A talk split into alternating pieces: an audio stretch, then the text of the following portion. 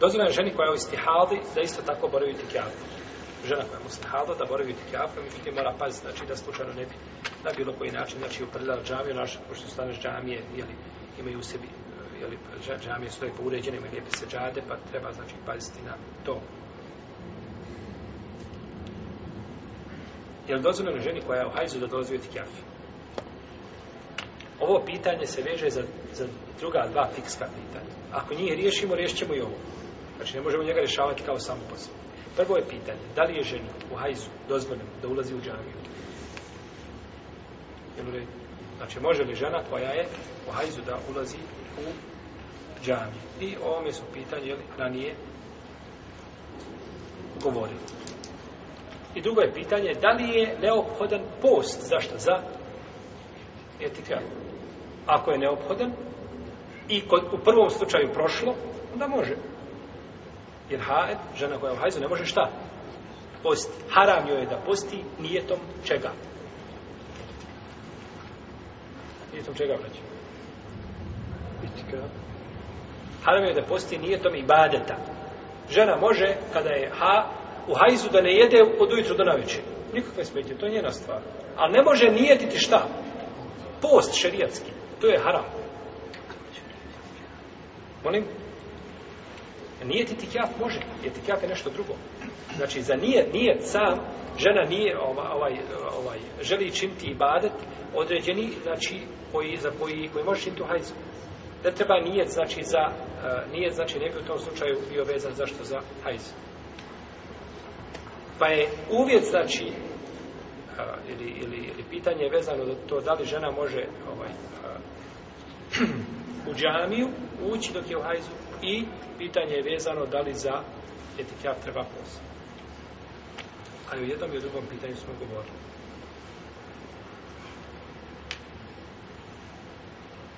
Žena kada boravi u džami, može se isto tako staviti nešto da se zagradi, da se sakrije od pogleda, ako je, jeli, izložena pogledima, jer nekada davno u vrijeme poslanika, znao sam, recimo žene su bilo u istoj džami, nije bilo nikakve pregrade, ista vrata bila za ulazak i izlazak. Tako da nema nikakve svetnje da žene klanjaju iza muškaraca. Znači da se ulazi u džamiju, žene iza muškaraca, ali nema nikakve šarijet, nema šarijetske svetnje. Iako je bolje i preče da budu žene odvojene. Znaš to vremenu, jel, kada a, se pojavili neredi smutnje, onda je preče znači da žene bivaju odvojene, A naročito ako je pitanje čega? Etikeabe. Jer tada žena treba znači, da leže, da se odmori i tako dalje, ponekad skine i svoju onu, onu jeli, odjeću šerijatsku, a, jeli, džilbab i tako dalje, onda u tom slučaju znači, ne bi tu smjelo nikako biti muškaraca, jer bi mogu vidjeti ono što je zabranjeno se vidjeti. Pa je bolje da ima za žene posebno mjesto kao što ima danas, u, kao što danas ima u mnogim džamijama. Jel, bilo da je na spratu ili da je pod zemljom, na neki način da je odvojeno, sve je to pohvalno i lijepo čovjek koji je tikjaf, lijepo mu je da se uposti hajrom. Ne da dođe čovjek, braću je tikjaf, deset dana boravi i samo priče.